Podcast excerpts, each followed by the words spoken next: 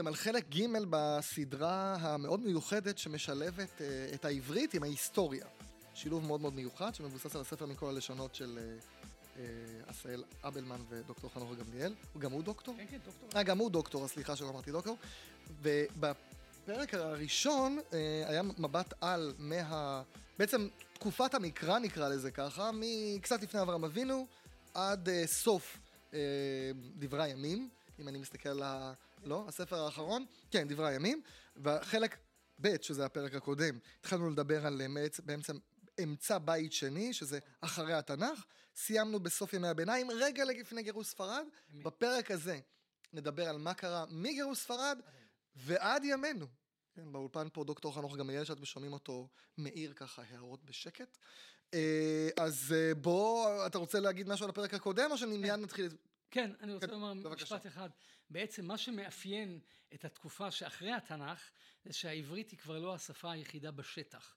אם בזמן התנ"ך העברית הייתה השפה היחידה בשטח, בוודאי עד חורבן בית... אבל עם כוכבית, אה, לצד הארמית, כן. לא, לצד. אבל לפחות עד חורבן בית ראשון, העברית נכון. עמדה.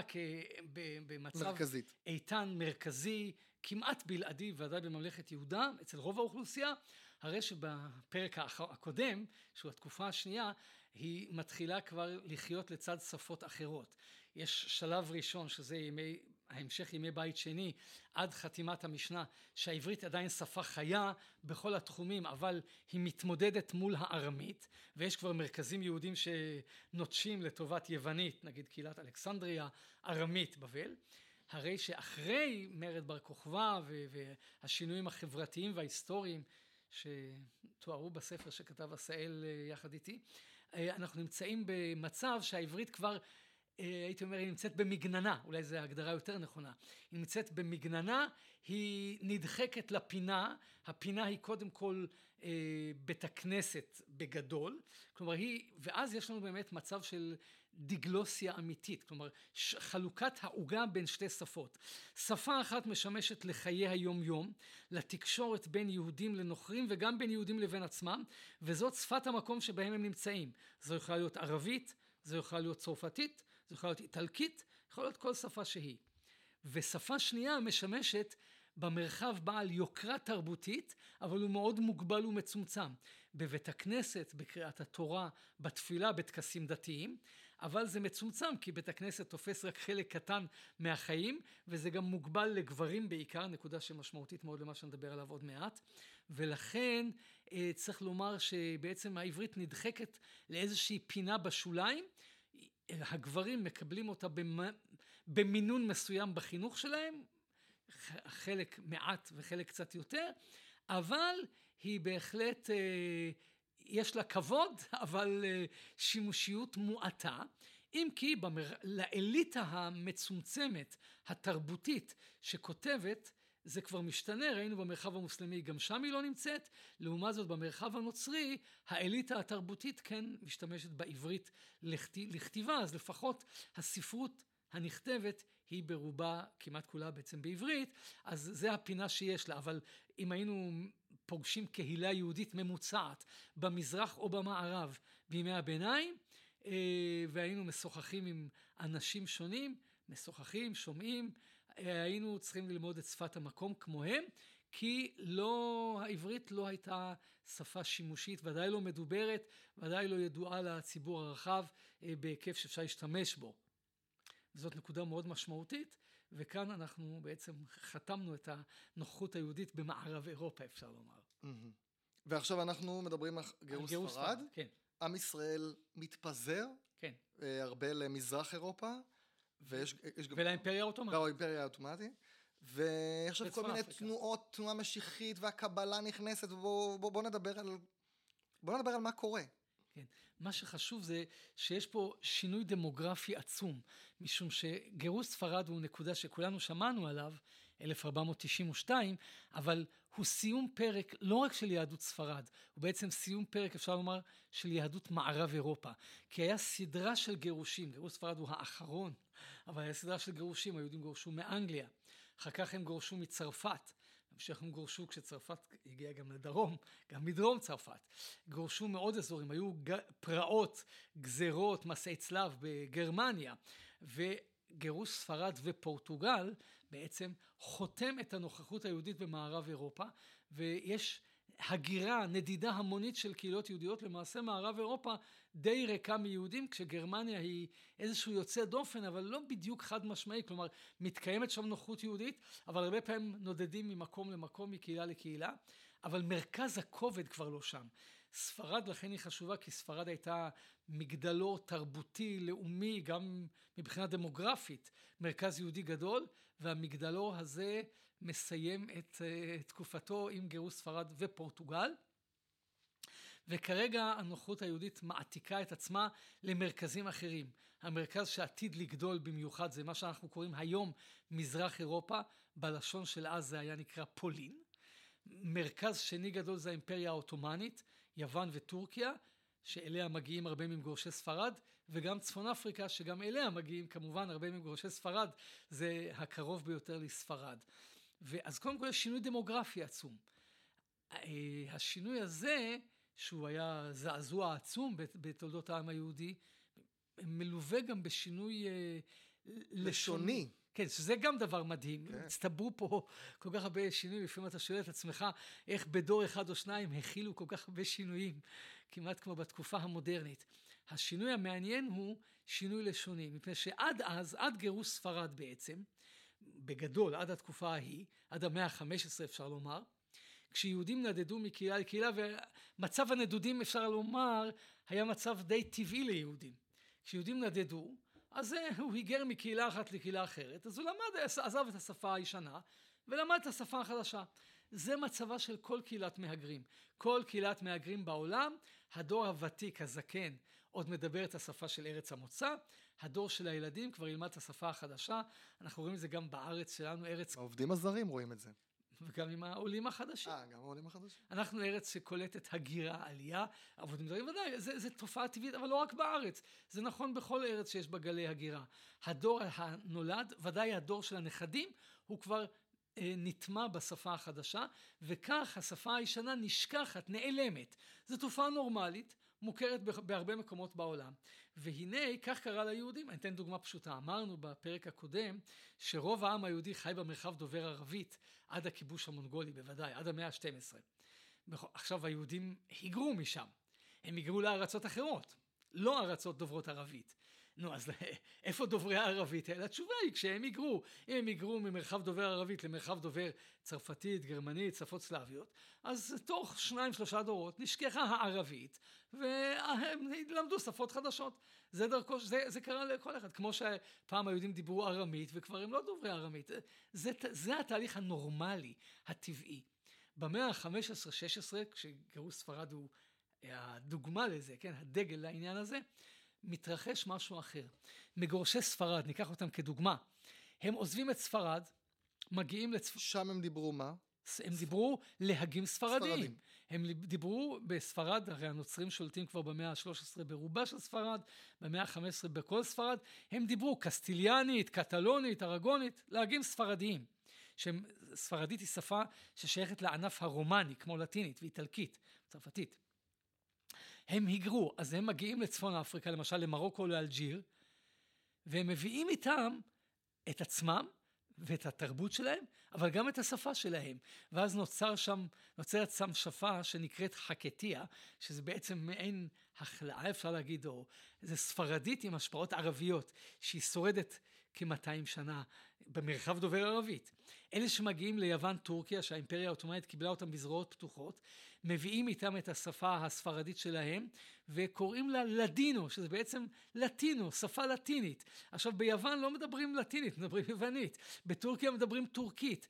בשביל התושבים המקומיים, וגם בשביל היהודים שהיו שם, הלדינו היא שפה זרה. זה בדיוק כמו ספרדית, בשביל האדם שדובר טורקית. זה שפה זרה. עכשיו, במקום שהם ישכחו את השפה הזאת, הם נשארים איתה. באופן מדהים, דבר זהה קורה לעמיתיהם האשכנזים שמגורשים מהמרחב דובר הגרמנית.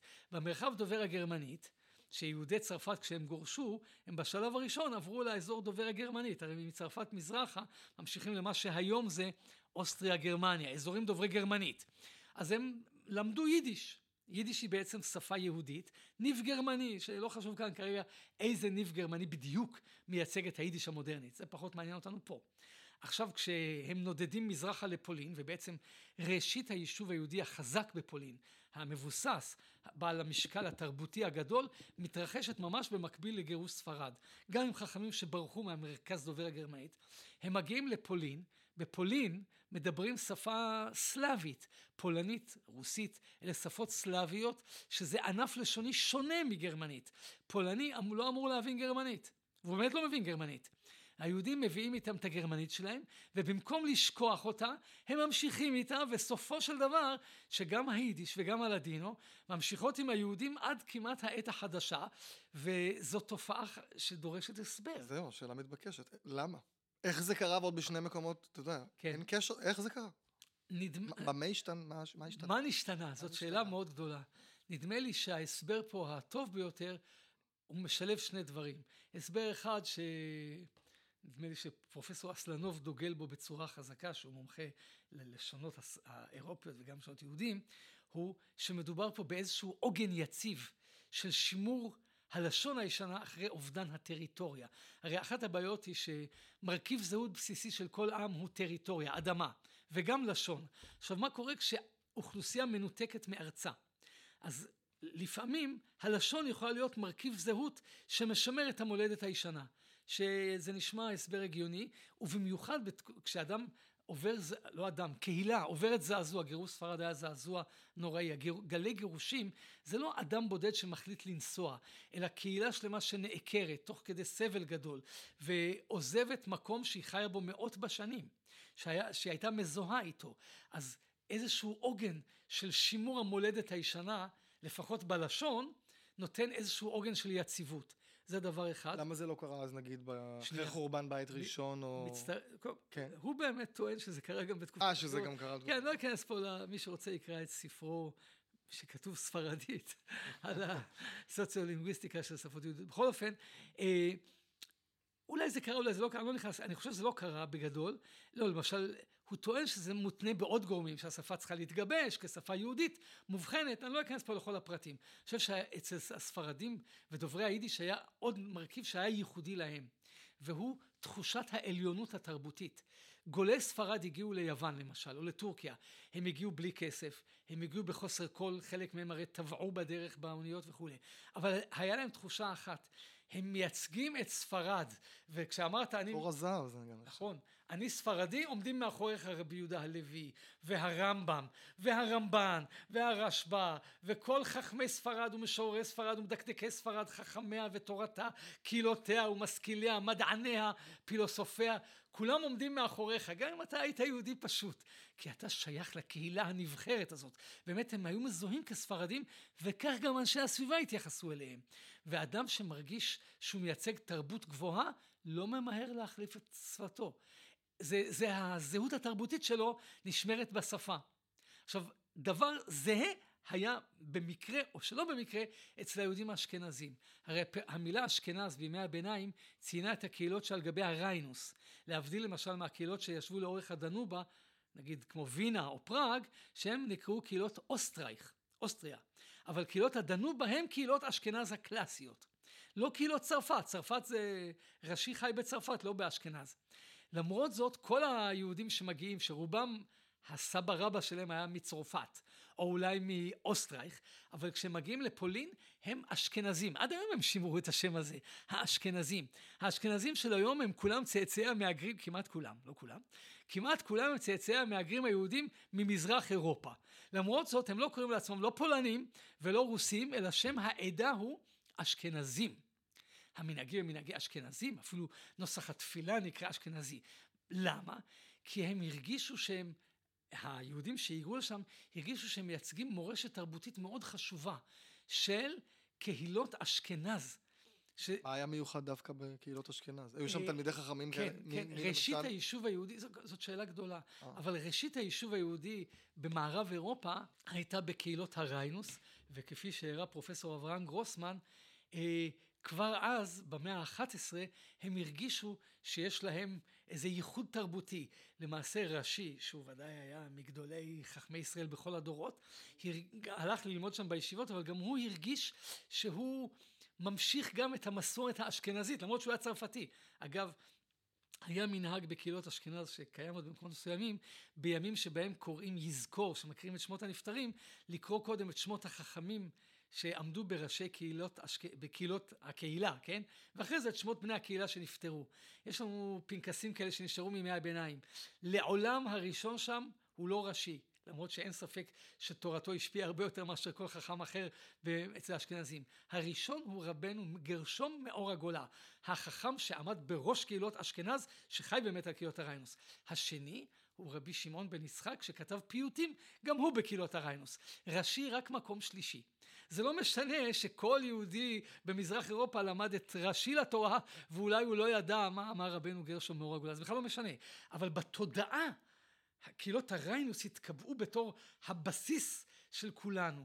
וכיוון שהם התקבעו בתור הבסיס של כולנו, אז כשיהודי כזה מגיע לפולין, ואנחנו יודעים על חכמים כאלה שהגיעו לפולין, הוא מזהה את עצמו כאשכנזי, וזה מאוד מכובד. אמנם הוא ברח, אחד מראשי הישיבות שהקימו את הישיבות בפולין, ברח על נפשו כדי שלא יאסרו אותו בגרמניה, ברח לפולין והקים שם ישיבה. אבל מה הוא? הוא אשכנזי. אז אם אתה כל כך מכובד בגלל המוצא שלך, למה שלא תמשיך לדבר בשפה שלך? זאת אומרת, נראה לי שהשילוב בין הרצון לעוגן, עוגן ויציבות, לפחות השפה שלנו תישאר איתנו ותזכיר לנו במשהו את העבר מצד אחד. והתחושה שהשפה שלנו גם משקפת את היותנו מייצגים אותה תרבות גדולה של אבות אבותינו, זה אפשר לשפות האלה להישאר, וזה גרם לתוצאות שכשלעצמם הן גם כן חדשניות ומדהימות. מה? אתה יכול להגיד לי משפט כזה ו... נכון. אין לנו, אבל מה, יש לך, אין לנו זמן? יש לנו זמן, זה אולי אחד הדברים החשובים ביותר. מה? התוצאה הייתה שהשפות האלה, הן מצד אחד היו שונות משפת הסביבה. משום שיהודי שדיבר לדינו בטורקיה, או יידיש בפולין ורוסיה, הגויים לא יכלו להבין אותו. מצד שני הם גם לא היו עברית, כי זה לא עברית. אז נוצר מצב שעכשיו ליהודים יש מערכת לא של שתי שפות, אלא של שלוש שפות, וצריכים לחלק את העוגה בין שלושה מתחרים, שלושה יריבים, לא שניים. והשלושה האלה מחלקים את זה בצורה מאוד מעניינת. העברית היא נשארת בבית הכנסת, היא לא תצא משם. לא, בינתיים. בינתיים, היא לא תצא משם בינתיים, נכון. היא לא תצא, היא נשארת בבית הכנסת ובכתיבה של האליטה, הזכרת את ספרות הקבלה, הספרות, אה, אה, כל הספרות של מגורשי ספרד, נכון. הכתיבה של העילית התרבותית בתחום התורני בוודאי, שמיועדת לח, לחכמים, ליושבי בית המדרש, תישאר בעברית. זה כבר ממשיך את המסורת האירופאית הנוצרית, של האירופה הנוצרית, וזה ימשיך ככה עד אה, התחדשותה של העברית. אבל זאת פינה שמצומצמת גם מבחינת המקום, בית כנסת, בית המדרש, גם מבחינת הקהל, זה מיועד לאליטה קטנה. וגם גברי, גברים. וגם רק גברים. לעומת, לעומת זאת יש את השפה שמדברים הנוכרים, טורקית, יוונית, ערבית, אם זה בצפון אפריקה, אה, פולנית, רוסית, השפות הסלאביות, שזה בשביל משא ומתן עם הגויים, אז מי שיש לו קשר עם נוכרים, מי שבעבודה אה, צריך לדבר עם הגויים, אז הוא אה, ישתמש בשפה שלהם. אז זאת השפה המדוברת עם הגויים. אבל יש ליהודים שפה מדוברת, חיה, שהיא השפה המדוברת של הגויים שהם עזבו אותם. כלומר, אותה שפה של הנוכרים שהייתה בגרמניה או בספרד, דהיינו על יידיש או על הדינו, היא, שהיא שפה חיה ומדוברת, היא דומה לשפה הקסטיליאנית או הקטלונית או הניבים הגרמניים השונים. השפה הזאת היא שפה חיה והיא ממשיכה להיות חיה בפי היהודים והיא הופכת להיות סימן היכר יהודי כי היא לא מובנת לנוכרים. אז יש ליהודים עכשיו שפה אחת ספרותית תרבותית למלומדים, עברית, שפה שנייה יהודית מדוברת, והרי בעצם יידיש זה שפה יהודית, וגם הלדינו יש לה שם נוסף, ג'ודזמו, וג'ודזמו איננו אלא יידיש, דהיינו יהודית, ממש כמו שאמר אותו שליח של מלך אשור. רגע, יידיש זה, זה יהודי? יידיש זה, הייד זה יהודי, ודאי. אה, לא חשבתי על זה אף פעם. יידיש, המשמעות שלה זה יהודי? כן. יידיש היא יהודית, כן? יידיש היא יהודית, וגם ג'ודזמו וזה ממש יהודית כמו בתנ"ך, דבר אל עבדיך ארמית ואל תדבר עמנו יהודית. כלומר, מדובר פה בשפה יהודית, כי באמת הופכת, יש ליהודים עכשיו שתי שפות שמאפיינות אותם. שפת תרבות לאליטה העברית ובית הכנסת, ושפה מדוברת, חיה ופעילה להמונים, ונלווית לזה תופעה נוספת, והיא שבשפה המדוברת משתדרגת לשפת כתב. כותבים ספרים בשפות היהודיות. בלדינו, אני מבין שהייתה לך הרצאה. אה, פרק עם שוורצוולד. כן, אז ודאי תיארה את זה בהרחבה. אני רק אזכיר על קצה המזלג.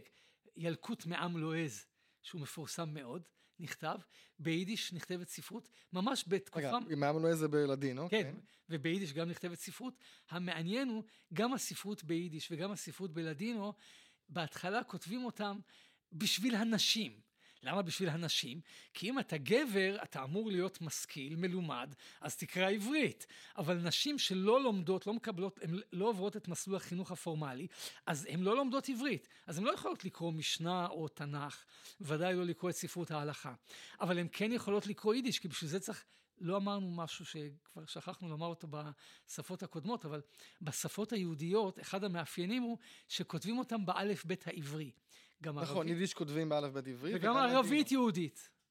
רגע, לדינו גם? גם לדינו. גם לדינו. כל השפות היהודיות כותבים באלף בית העברי. Mm-hmm. עכשיו, ללמוד אלף בית עברי זה לא נורא מסובך. אז אם אישה לומדת אלף בית עברי, וכותבים לה עכשיו ילקוט מעם לועז, וכותבים לה עכשיו צאנה אוראנה, היא בבת אחת שערי ההשכלה נפתחים בפניה. תראה, צאנה אוראנה, שזה בעצם... תגיד משפט מה זה. מה. כן, זה ספר ש... הפרשנים והמדרשים. בעצם נותן השכלה תורנית שהגברים קיבלו כביכול בבית המדרש, לא בבית המדרש. זה נכתב לנשים, לכן השם צאנה אורנה מהפסוק, צאנה אורנה בנות ציון. והמחבר כותב, זה נכתב לנשים וכולי. הספר היה רב מכר. יצאו ממנו מעל 200 מהדורות. עכשיו... הגברים קראו בלילה בשקט. הם קראו ביום בנחת, לא בלילה בשקט.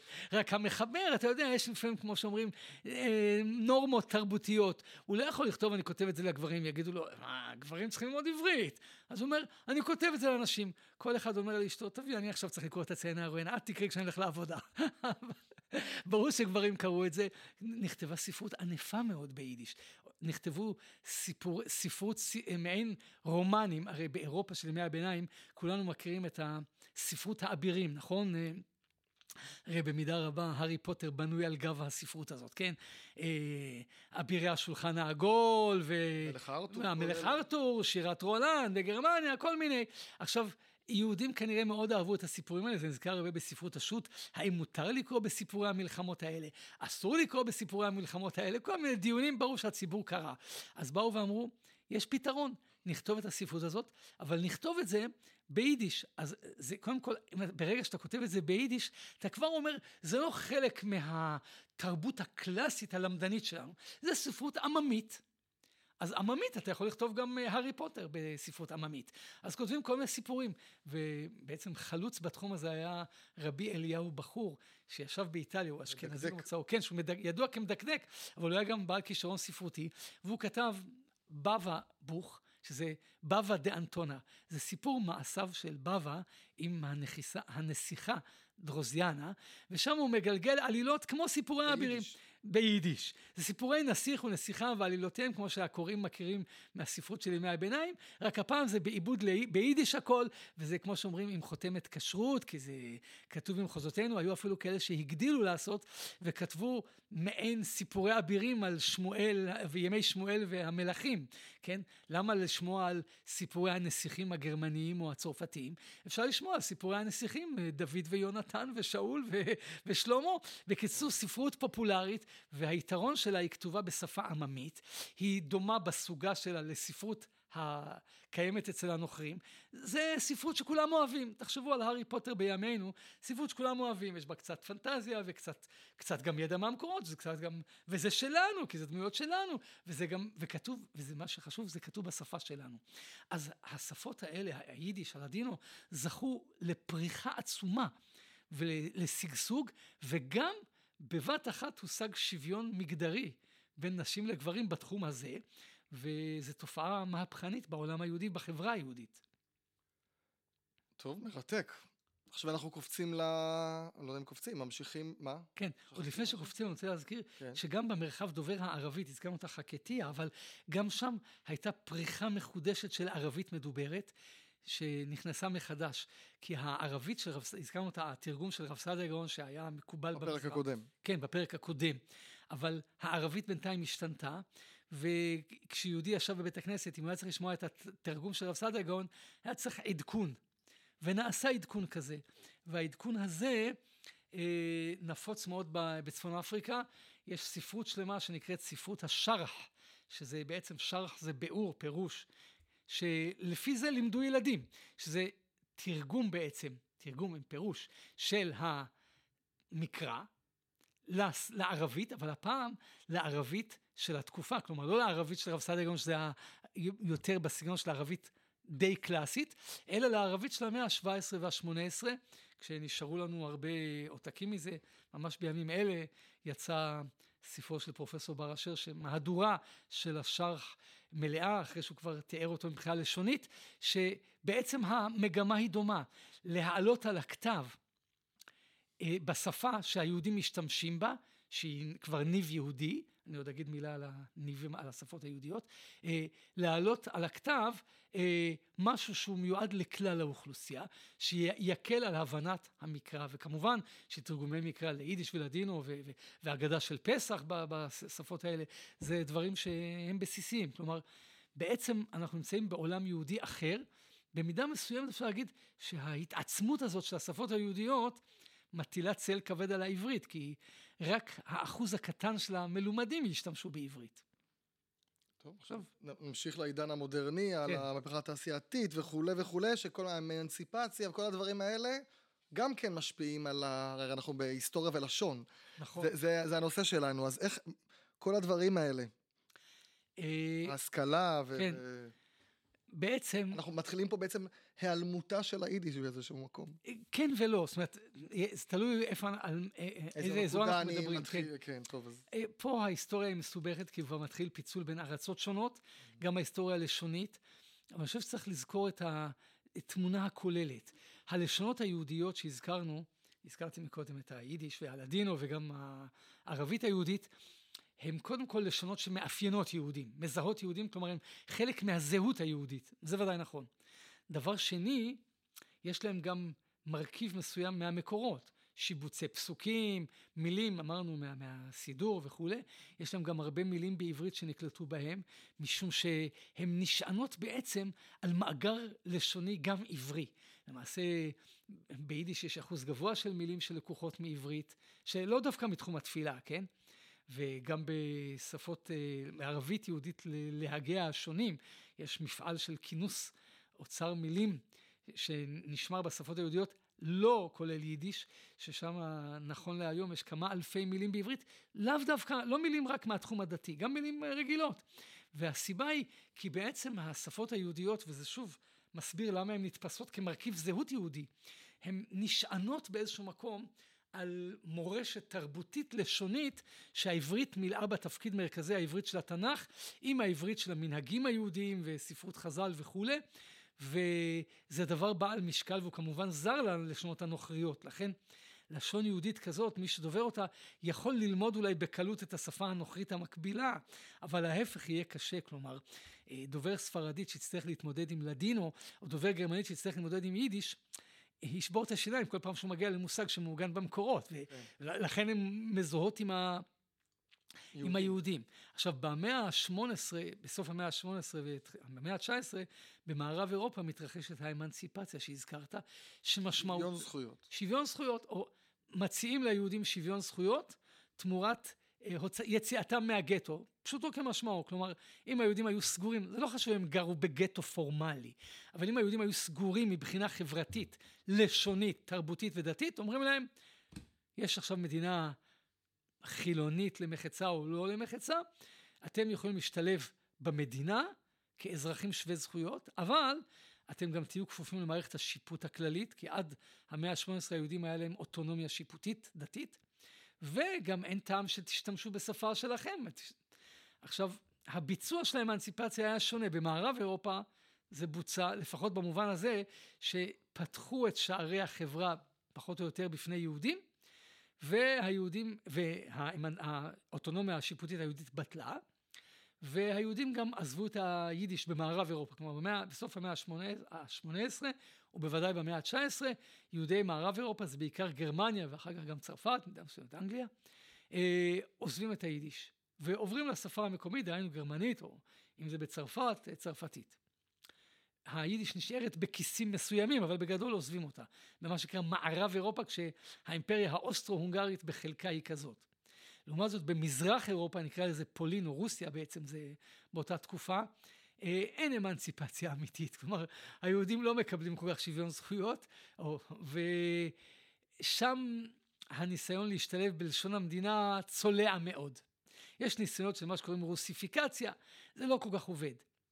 עכשיו, אז מבחינה לשונית, מצד אחד הלשון היהודית במערב אירופה נפגעת, היידיש, ובעצם מי שמציע שוויון זכויות, אומר גם תוותרו על השפה שלכם. דווקא מי שמימש את זה בצורה אמיתית יותר, זה בארצות הברית. עכשיו למה ארצות הברית מעניינת אותנו? כי בסוף המאה ה-19 ובתחילת המאה ה-20 מהגרים לארצות הברית המוני יהודים. כשני מיליון יהודים עזבו את אירופה והיגרו לאמריקה, כשהרוב הגיע לארצות, לצפון אמריקה, ארצות הברית. יהודים שמגיעים לארצות הברית נהנים שם משיווי זכויות, אבל שיווי הזכויות בין השאר פירושו נוטשים את היידיש ועוברים לאנגלית, והרי אנחנו יודעים שתוך דור או שניים, דור המהגרים עזב את היידיש, הסבא עוד דיבר יידיש, הנכד כבר מדבר אנגלית, זו תופעה שאנחנו מכירים מצוין, כל מי שמכיר עולים מארצות הברית או מכיר את יהדות ארצות הברית. היידיש שמה לא פעילה, למרות שבסיסה העיקרי הוא יהודים שהיגרו מ... שאבות אבותיהם דיברו יידיש. אז בארצות הברית זה מתממש, בגרמניה זה מתממש, באנגליה וכדומה. זאת אופציה אחת. לעומת זאת, במזרח אירופה, במידה מסוימת בארצות דוברות ערבית, איפה, במקומות שהתרבות הצרפתית חזקה, גם כן הצרפתית נכנסת, ושוב חוזר התהליך על עצמו, צרפתית ולא לדינו או חקטיה או מה שלא יהיה. אבל במקומות השמרניים יותר, גם במרחב המוסלמי, דובר הערבית, ובוודאי במרחב דובר היידיש במזרח אירופה, העניינים יותר מסובכים. עכשיו, אם אנחנו מסתכלים מה קורה סביב 1900, כשקמה התנועה, יש, במקביל, יש גם תנועת התעוררות לאומית, יהודית, שהביטוי שלה אנחנו מכירים בתור הציונות, אבל הציונות זה בעצם התנועה המדינית שהקים הרצל, שהיא כבר איזשהו... לממש את הרעיון. שיא של דיבורים שבגוונים שונים מתגלגלים במהלך המאה ה-19, במקביל לתנועות התעוררות לאומית אחרות של עמים אחרים. באירופה אנחנו מדברים על אביב העמים וכל ההתעוררות הלאומית באירופה במאה ה-19. עכשיו, אם נסתכל ממעוף הציפור ב-1900, מה האופציות הלשוניות, אם יש התעוררות לאומית, אז בואו נדמיין שה... נניח שתהיה ועידה שחכמי היהודים יחשבו איזה שפה ידברו. האמת שלא הייתה ועידה כזאת כלל יהודית, אבל נדמיין לרגע. זה כאילו בתפיסה. כן, מבחינת איזה אפשרויות היו פתוחות. אז אם אנחנו, אפשרות אחת זה אה, לבחור בשפה אירופית מודרנית, וזו אפשרות שלמעשה התבצעה בארצות הברית, באנגליה, בגרמניה, שפה אירופית מודרנית. בין אם אתה יהודי שנאמן למסורת, הרי זה במקביל גם מתרחשת תופעה של נטישת המסורת ומה שאנחנו קוראים היום חילוניות, כן? זה די מקביל בתקופה הזאת, אה, אבל אז אופציה אחת היא באמת אימוץ לשון המדינה, יש לאופציה הזאת יתרונות רבים, משום שהעולם גם עובר שינוי, הזכרת את המהפכה התעשייתית. עולם מודרני נהיה. העולם המודרני גם מצריך שינוי לשוני. למעשה גם השפות האירופיות עוברות תהליך של מודרניזציה, כי עולם חדש, יש לו מושגים חדשים, מונחים חדשים, זרמים רעיוניים חדשים, זה דורש גם כלים לשוניים חדשים, גם אוצר מילים, גם דרכי הבעה אחרות. Mm-hmm. אז כשם שזה עובר לשפות אירופה, ברגע שבוחרים באנגלית, גרמנית או צרפתית, אז באופן טבעי נכנסים לזרם המודרני. אבל אז בעצם העברית תישאר עוד יותר מצומצמת. זאת אפשרות אחת. יש אפשרות שנייה, להסתכל איזה שפה מדברים רוב היהודים. וזה בוא נלך עליה. שזה יידיש. יידיש, כי רוב העם היהודי יושב במזרח אירופה. מזרח אירופה כולל את רוסיה ואוסטרו-הונגריה, ששם למעשה כשבעה מיליון יהודים דוברי יידיש, שזה רוב מוחלט בעם היהודי. אז אפשר לבחור יידיש, ובאמת כן הייתה ועידה.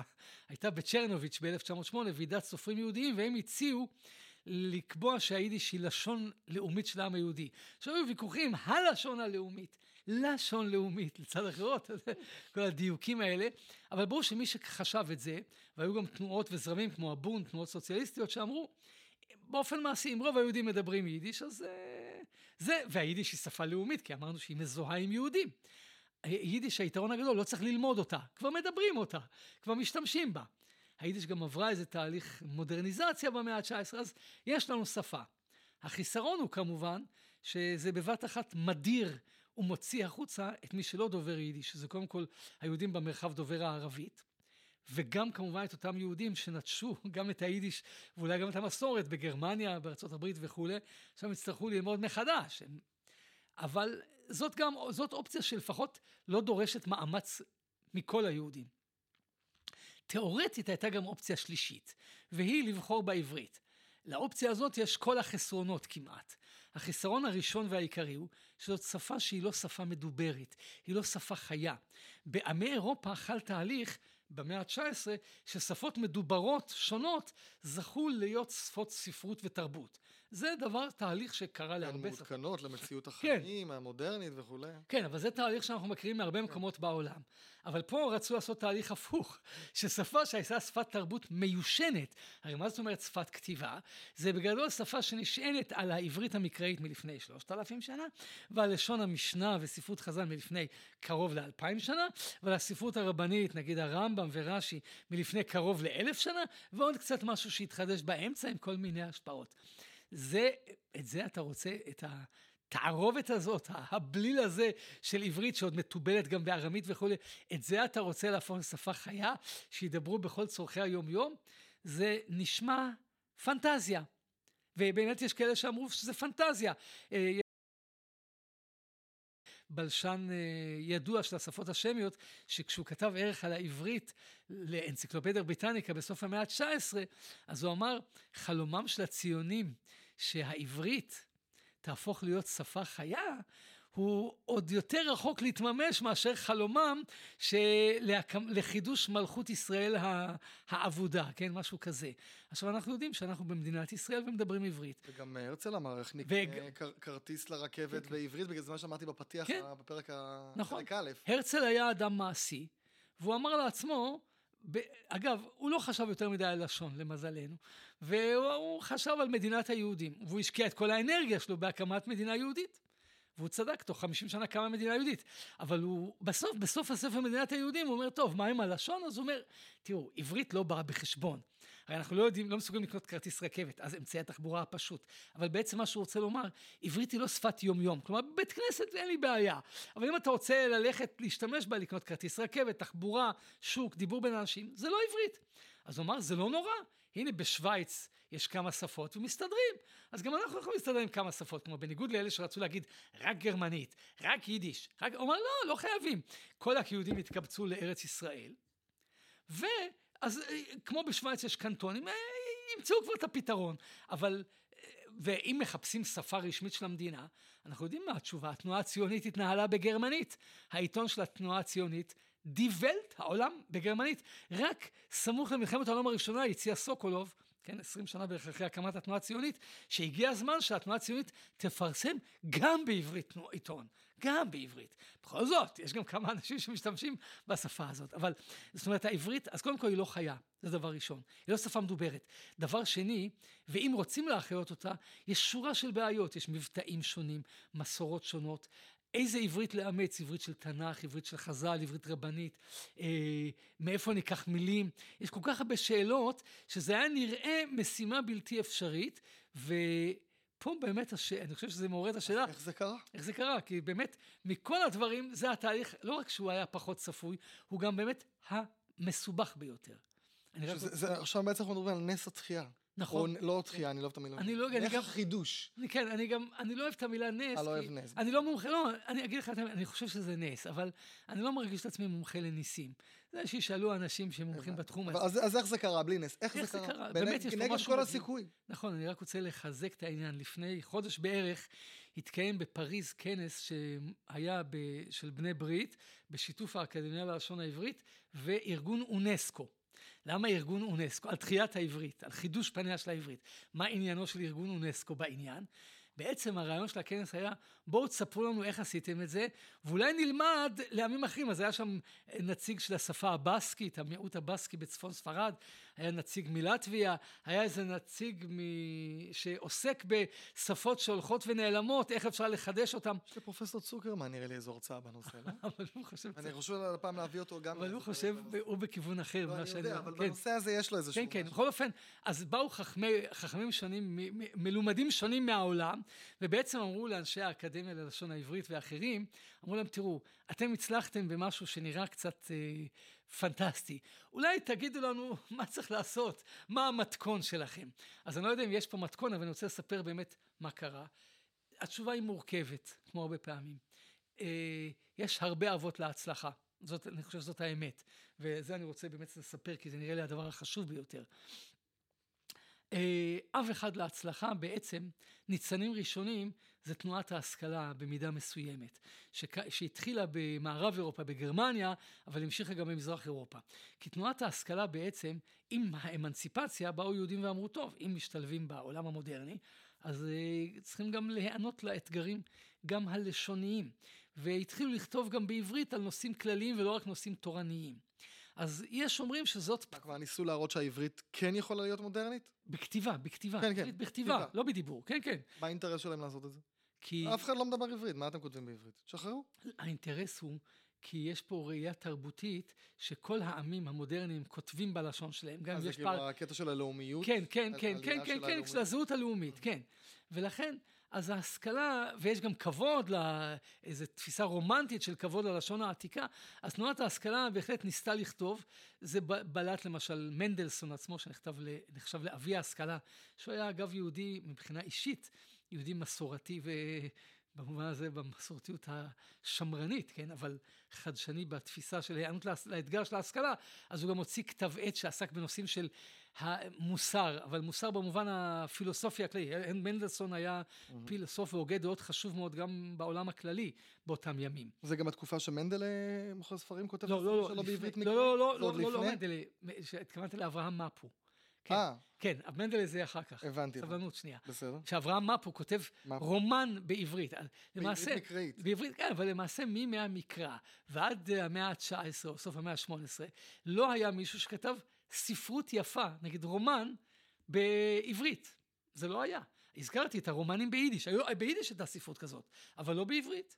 ומפו בא ואומר, אם אנחנו רוצים חידוש, אנחנו רוצים התעוררות לאומית, אז במין גישה רומנטית כזו, בואו נחזור לעברית המקראית. ואז הוא מספר סיפור שמתרחש כביכול בארץ יהודה לפני אהבת אלפי שנים. ציון, נכון? כן, אהבת ציון, שזה עורר בזמנו הדים עצומים, ועשה רושם אדיר על המשכילים.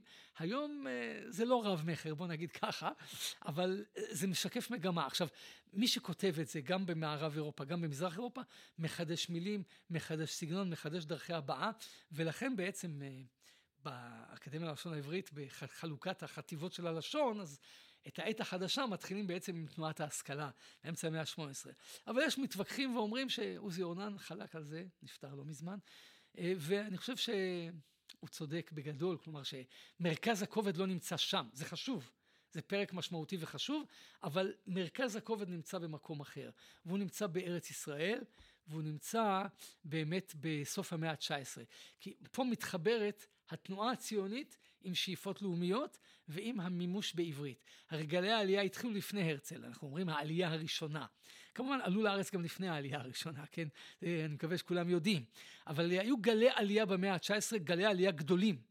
וחלק מגלי העלייה הגדולים האלה שהגיעו עוד לפני הקמת התנועה הציונית, אנשים באו והם גם באו להתפרנס בארץ מעבודה. זה היה חידוש. כי עד המאה ה-19 יהודים באו לארץ בשביל למות בה או בשביל ללמוד תורה ולמות, כן? זה דבר בולט וידוע. אז היו פה ושם ניסיונות, אבל בגדול, חוץ מניסיון קטן בזמן גירוש ספרד, רוב היהודים שהגיעו לארץ חיו חיים של תורה, תפילה, והם כאילו היו אותו מיעוט קטן שמתפלל בשביל כל יהודי הגולה. אז אה, מי שעושה את זה לא צריך גם לדבר בעברית, הוא יכול לדבר טורקית או ערבית או, או יידיש עם, עם עצמו ועם הזה. אבל במאה ה-19 כבר מגיעים יהודים, מגיעים לעבוד. המושבות הראשונות, מה שאנחנו מכירים, ראש פינה והמושבות בצפון ופתח תקווה והמושבות בדרום, ראשון וכל אלה, מושב, כמות מושבות ואנשים באים לחיות בארץ ולעבוד בה ולהתפרנס. יש אווירה חדשה, גם בירושלים יש אווירה חדשה. מונטיפיורי, השכונות שהוא מקים. אז יש איזו התעוררות, ולהתעוררות הזאת גם אומרים, אז צריך לחזק את העברית. ואז אומרים, בואו נלמד גם עברית. ומלמדים גם עברית.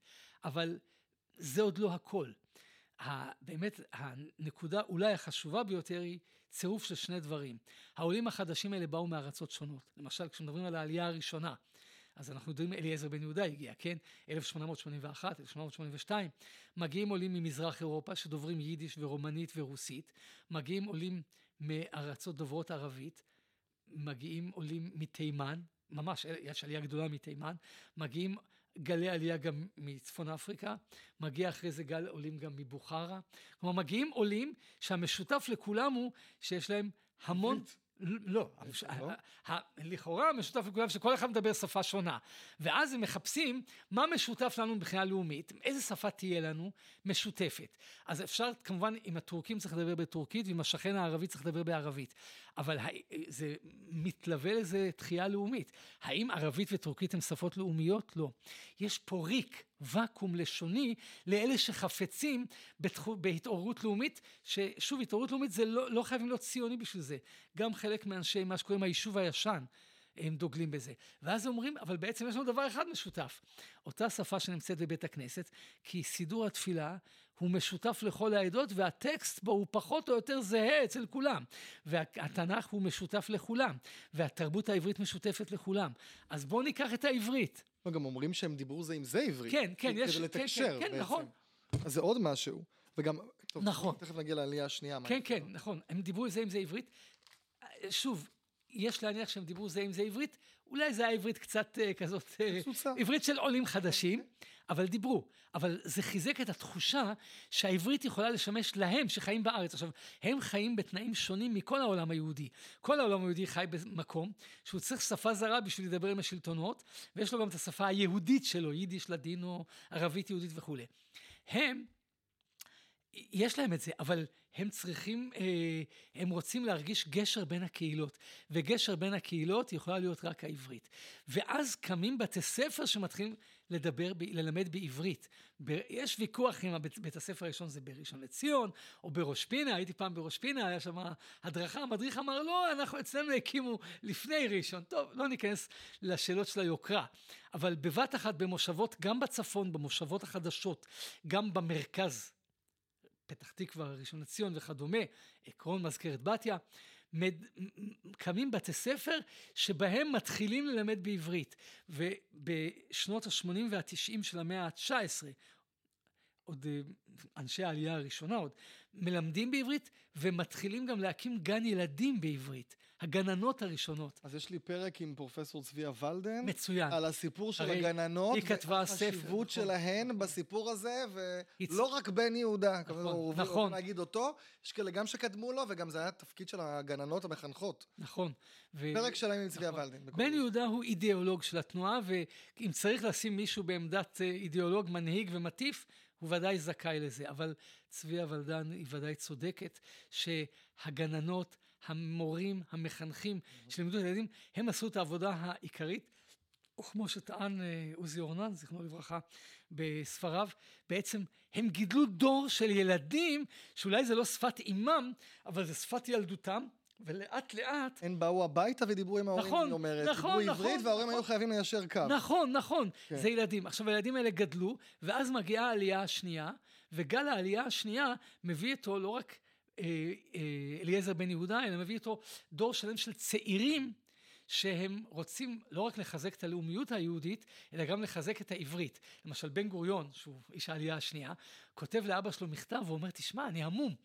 אנחנו חשבנו שאנחנו יודעים עברית בחוץ לארץ, כן, בפולין או רוסיה, מה שזה לא יהיה באותם ימים, אבל תדע לך, פה אני הייתי במפעל, ואני ראיתי שהעובדים מדברים ביניהם עברית. זה אנחנו, אנחנו לא שמענו דבר כזה אצלנו. זה, זה, עכשיו, הוא מתאר מציאות חיים. אנשי העלייה השנייה, הם הכריחו את עצמם, אפשר לומר. הם ראו גם ביידיש שפה גלותית. נכון. כלומר, היה להם איזו אידיאולוגיה נכון. לא לדבר יידיש. אידיאולוגיה אנטי גלותית, נכון. בדיוק, ולכן, אז אם לא יידיש, מה נדבר? עברית. נכון. וכמובן עם... גם ערבית לא כל כך באה בחשבון, כי גם זאת שפה זרה. ערבית היא השפה של השכנים הערבים, אבל אי אפשר להגיד שזו השפה הלאומית שלנו. אז האידיאולוגיה של העלייה השנייה, עם המרץ של החלוצים, ועם דור הילדים, כמו שהזכרת, שגדל פה, הם אפשרו בעצם צמיחת דור דובר עברית, ורואים את זה במה שנקרא מלחמת השפות. ב-1913, למעשה כבר לפני כן, דיברו על... זה, מפה אנחנו צריכים לקצר, אפילו שיש כן. לנו עוד המון דברים, אבל כן, מלחמת השפות קצרה, ויש לנו על המעמד לא, לא. הרשמי של העברית. לא, זה, אבל מלחמת השפות, אני חושב שזה הגורם הקריטי, לא הכל אפשר... נכון. יש, אפשר שיקראו בספר. כן. אבל אה, דיברו על הקמת הטכניון. עכשיו, טכניון, אמורה לממן אותו אגודת עזרה בגרמניה של יהודים שחיים במדע הגרמני והם מבינים שגרמנית היא שפת המדע אז הם ילמדו את זה בגרמנית. אבל המועמדים לטכניון הם הילדים שגמרו את בתי הספר דוברי העברית. והם שלחו מכתב מחאה ואמרו אם אתם, אנחנו לא מוכנים שתלמדו בגרמנית, תלמדו בעברית. וממש פרצה מהומה. עכשיו, זה לא המאבק היחיד. תלמידי סמינרים למורים, תלמידי בתי ספר יסודיים, תלמידים במקומות שונים שלמדו עברית וכבר היו, הרגישו שהעברית מזוהה עם, ה, עם הזהות היהודית שלהם, הישראלית שלהם, אומרים, רוצים ללמוד בעברית. כך מוקם בעצם סמינר דוד ילין, כי התלמידים מעוררים את המחאה, המורים מצטרפים אליהם בשלב שני, ומנהיגי הציבור מצטרפים אליהם בשלב שלישי. ואז בעצם קם דור של דוברי עברית, וזה מה שיאפשר כשהמנדט הבריטי יגיע לארץ והבריטים ישאלו את עצמם מהם השפות של האוכלוסייה, המשקל של מה שקוראים היישוב החדש הוא המשקל הדומיננטי, וביישוב החדש העלייה השנייה וכל אותו דור של צמח כדוברי עברית, הם מכתיבים את העניין והם אומרים נדבר עברית, אז הבריטים אומרים אנחנו מוצאים פה אוכלוסייה שכבר עברית היא שפת היום יום, לכן עברית היא שפת המנדט. צריך גם להזכיר ולתת את הכבוד גם בגולה במקביל, ופה חלקו של מנדל למוכר ספרים, מבחינת העברית הכתובה, הספרותית, במקביל התחוללה התחול, איזושהי מודרניזציה של העברית, שמהסגנון המקראי הקצת אה, לא קצת, המאוד מליצי של תחילת המאה ה-19, עברו לעברית יותר מורכבת שיש בה יסודות מלשון המקרא, יסודות מלשון חכמים, אה, גם קצת מהארמית, עברית מעורבבת כזאת, פשוטה יותר, שמנדלי מוכר ספרים עשה הרבה להפצתה, אבל אחריו באים עוד כמובן סופרים ומשוררים, והם מאפשרים גם רענון פניה של העברית בחו"ל, והצירוף הזה של העברית הכתובה, שעיקר התחד, התחדשותה בחו"ל, עם דור דוברי העברית החיה בארץ, הוא מביא לנו את המצב שבראשית המנדט כבר העברית מוכרת כשפה רשמית, ומכאן הדרך קצרה לעברית שאנחנו מדברים בה, ונדמה לי שזו נקודה טובה לסיים בה. כן, אבל רק רוצה לחדד משהו שאתה אמרת, כן. בעצם הסיפור של ההצלחה של העברית הגיע מלמטה. כן, נכון. זו נקודה מאוד חשובה. כן, נכון. כלומר, הקונגרס הציוני לא ממש, אה, כמו שאמרת, גרמנית, וגם העברית, אחר כך תוציאו איזה עיתון. אה, לא, והרצל עצמו, הם לא חזו אה, גדולות לעברית, ודווקא הציבור מלמטה, הצעיר, והגננות, ו... ולא דיברנו על שפה ברורה, ועוד כל מיני ארגונים שהיו, שמלמטה זה פשוט צמח, וזהו. וזה מה שקרה. לטעמי, זה בשבילי היה המסר אולי החשוב ביותר, או הלימוד החשוב ביותר שלמדתי מכתיבת הספר יחד עם עשאל, שה... ההתחדשות של העברית, היכולת שלה להצ... לצלוח את כל המכשולים ולעשות את הדבר הבלתי אפשרי, היא באה מכוחו של הציבור ולא מ... מלמעלה מהמנהיגות. המנהיגות נגררה אחרי הציבור, וזה גם נכון היום, אם תרשה לי לומר מילה אחת, בסופו של דבר, אם יש לאקדמיה ללשון איזושהי השפעה בציבור, זה לא בגלל שיושבים שם מלומדים, יושבים שם מלומדים, גדולים וחכמים. אבל הכוח שלה בא מהציבור. אה, מאות הפניות, למעשה מעל אלף, שמקבלים כל חודש למערכת של התשובות שלהם, והתשובות שהם נותנים. הבקשה ממומחים רבים בתחומים מקצועיים שיחברו מילונים בעברית. הדרישה של הציבור להשתמש בעברית, של הציבור, אני מדגיש עוד פעם, לאו דווקא מוסדות הממשלה, היא נותנת, אני חושב, את העוצמה לעברית, ואני חושב שגם אה, היום, אה, אם העברית יכולה לשגשג ולפרוח, בסופו של דבר אין הדבר תלוי אלא בנו, בציבור הרחב. בילדים, בילדות, בנערים ובנערות, באנשים ובנשים, בכל הציבור הרגיל, מה שקוראים הציבור הרחב, האנשים הפשוטים והלא פשוטים. בהם תלוי, תלוי גם עתידה של הלשון, לא רק במלומדים. ויש עוד מסר, כן. שהעברית הולכת היא חזקה, וכשעם ישראל בארצו, כשעם ישראל לא בארץ, העברית מתמוססת. נכון. ולאבשלום קורש הרצאה שלמה על הסיפור הזה שאיך העברית, ברגע שאיבדנו את העברית, או התחילו הניצנים של איבוד העברית, עם ישראל התנתק מהתרבות שלו, מהמורה שלו, והוא גם לא נשאר בארץ. יש כאן איזה משהו שהולך יד ביד, וגם ראינו שלא תמיד נסתכל על טווח הקצר, עכשיו רוב האנשים דוברים גרמנית, אני כותב ספרים בגרמנית, עכשיו כולם מדברים יוונית, אני כותב יוונית, כולם מדברים ערבית, אני כותב ערבית, כי זה זמני, זה לא נשאר לנצח, ושוב אני אומר משהו שאמרתי, לא זוכר באיזה פרק, הקודם או הקודם, לפניו, שהיום כותבים באנגלית כל הזמן, בעיקר, נכון? כל המאמרים כן. כותבים באנגלית, ואנגלית, וכל הפרסומים, בלשון, כותבים באנגלית, מוציאים ספרים באנגלית. אנשים, מה קורה לכם? בשלב מסוים האנגלית לא תהיה שפה בינלאומית, תהיה שפה אחרת, אני מחכה ליום שהעברית תהיה שפה בינלאומית. אני גם מחכה. וזה, וזה יקרה. ואז כל הספרים שכתבתם באנגלית והמאמרים ישבו על איזה מדף, שיחכו שמישהו יכתוב דוקטורט כדי לגאול, כי אף אחד לא יודע אנגלית, כדי לגאול את הדבר הזה, כמו שהיום יושבים, אה, כותבים דוקטורטים על אה, רס"ג, על הערבית כן, שלו, נכון. שאף אחד לא יודע לקרוא את זה חוץ מ... אז אני אומר, בסדר? הייתי אומר, אם אפשר עוד להגיד רק משפט אחד. בבקשה. בעניין הזה, אני חושב שאחת התובנות כאן היא שהקפדה ושימור הלשון היא נכס תרבותי לאומי. זה לא רק איזה, טוב, כדאי שיהיה גם משהו כזה. העיקר שמבינים אותי, גם אלא, את זה אומרים, כן, מה זה חשוב? אלא זה מרכיב בזהות תרבותית ולאומית, ומי שרוצה לשמר את הזהות שלו ואת התרבות שלו, צריך גם לשלם על זה. זה נכון, יש לזה מחיר גם כלכלי, אני מודע לזה, אבל אם אתה מעוניין בזהות תרבותית, לאומית ובקיום לטווח ארוך, אז זה שווה כל השקעה, ואני שמח שאנחנו במצב הזה היום. ואני גם מודה לך על ההזדמנות אה, להביא את המסר. תודה ענקית על הספר, תודה ענקית שבאת. שלושה פרקים שבאמת הם, פעם ראשונה שיש לי ככה שלושה פרקים על אותו נושא. וטוב, זה באמת יריעה רחבה, וזיקקנו אותה מאוד מאוד. יש עוד מה להגיד, לא דיברנו על פצצות סירחון, נכון, בספר על פצצת סירחון של לחזק את העברית, וכל מיני דברים. עיריית תל אביב לא עונה כשכותבים לה מכתבים, לא בעברית, היום... הלוואי עלינו. זהו, היום זה נראה לי הפוך, תכתוב בעברית, לא יענו לך. אה, אז תודה על הזמן. תודה ענקית, uh, תמשיך לעשות חייל, לכתוב עוד ספרים מרתקים, באמת אני מבסוט מהספר, תקנו, ספר מעולה. Uh, עכשיו, משהו קטן בנימה אישית, זה הפרק האחרון שאני מקליט uh, במסגרת מט"ח, המרכז לטכנולוגיה חינוכית. Uh, איזה פרק זה כבר? 40 ולא זוכר משהו? כן, אז כמעט 50 פרקים שדרך מט"ח, קולולושה עובר בית, אני עוד לא יודע בדיוק לאן או, או, או מה יקרה, אבל זאת ימשיך קולולושה, שאלה באיזה פורמט. אני רוצה להגיד תודה רבה לנעמי גורבת, דוקטור נעמי גורבת, שהייתה מנהלת שלי במט"ח, שהצעתי לה את הרעיון לקולולושה.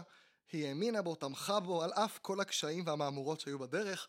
אה, תודה כמובן לארגון, למט"ח. ועוד חזון למועד, אתם מוזמנים לעקוב אחרי עדכונים שלי באתר לשון ידה, ובקבוצת הפייסבוק של קולולושה. השם קולולושה יישאר, אין מה לפחד, וגם בטיקטוק הלשוני שלי, שני סרטונים ביום לפחות. אז אני רם נתניהו, המשך יבוא.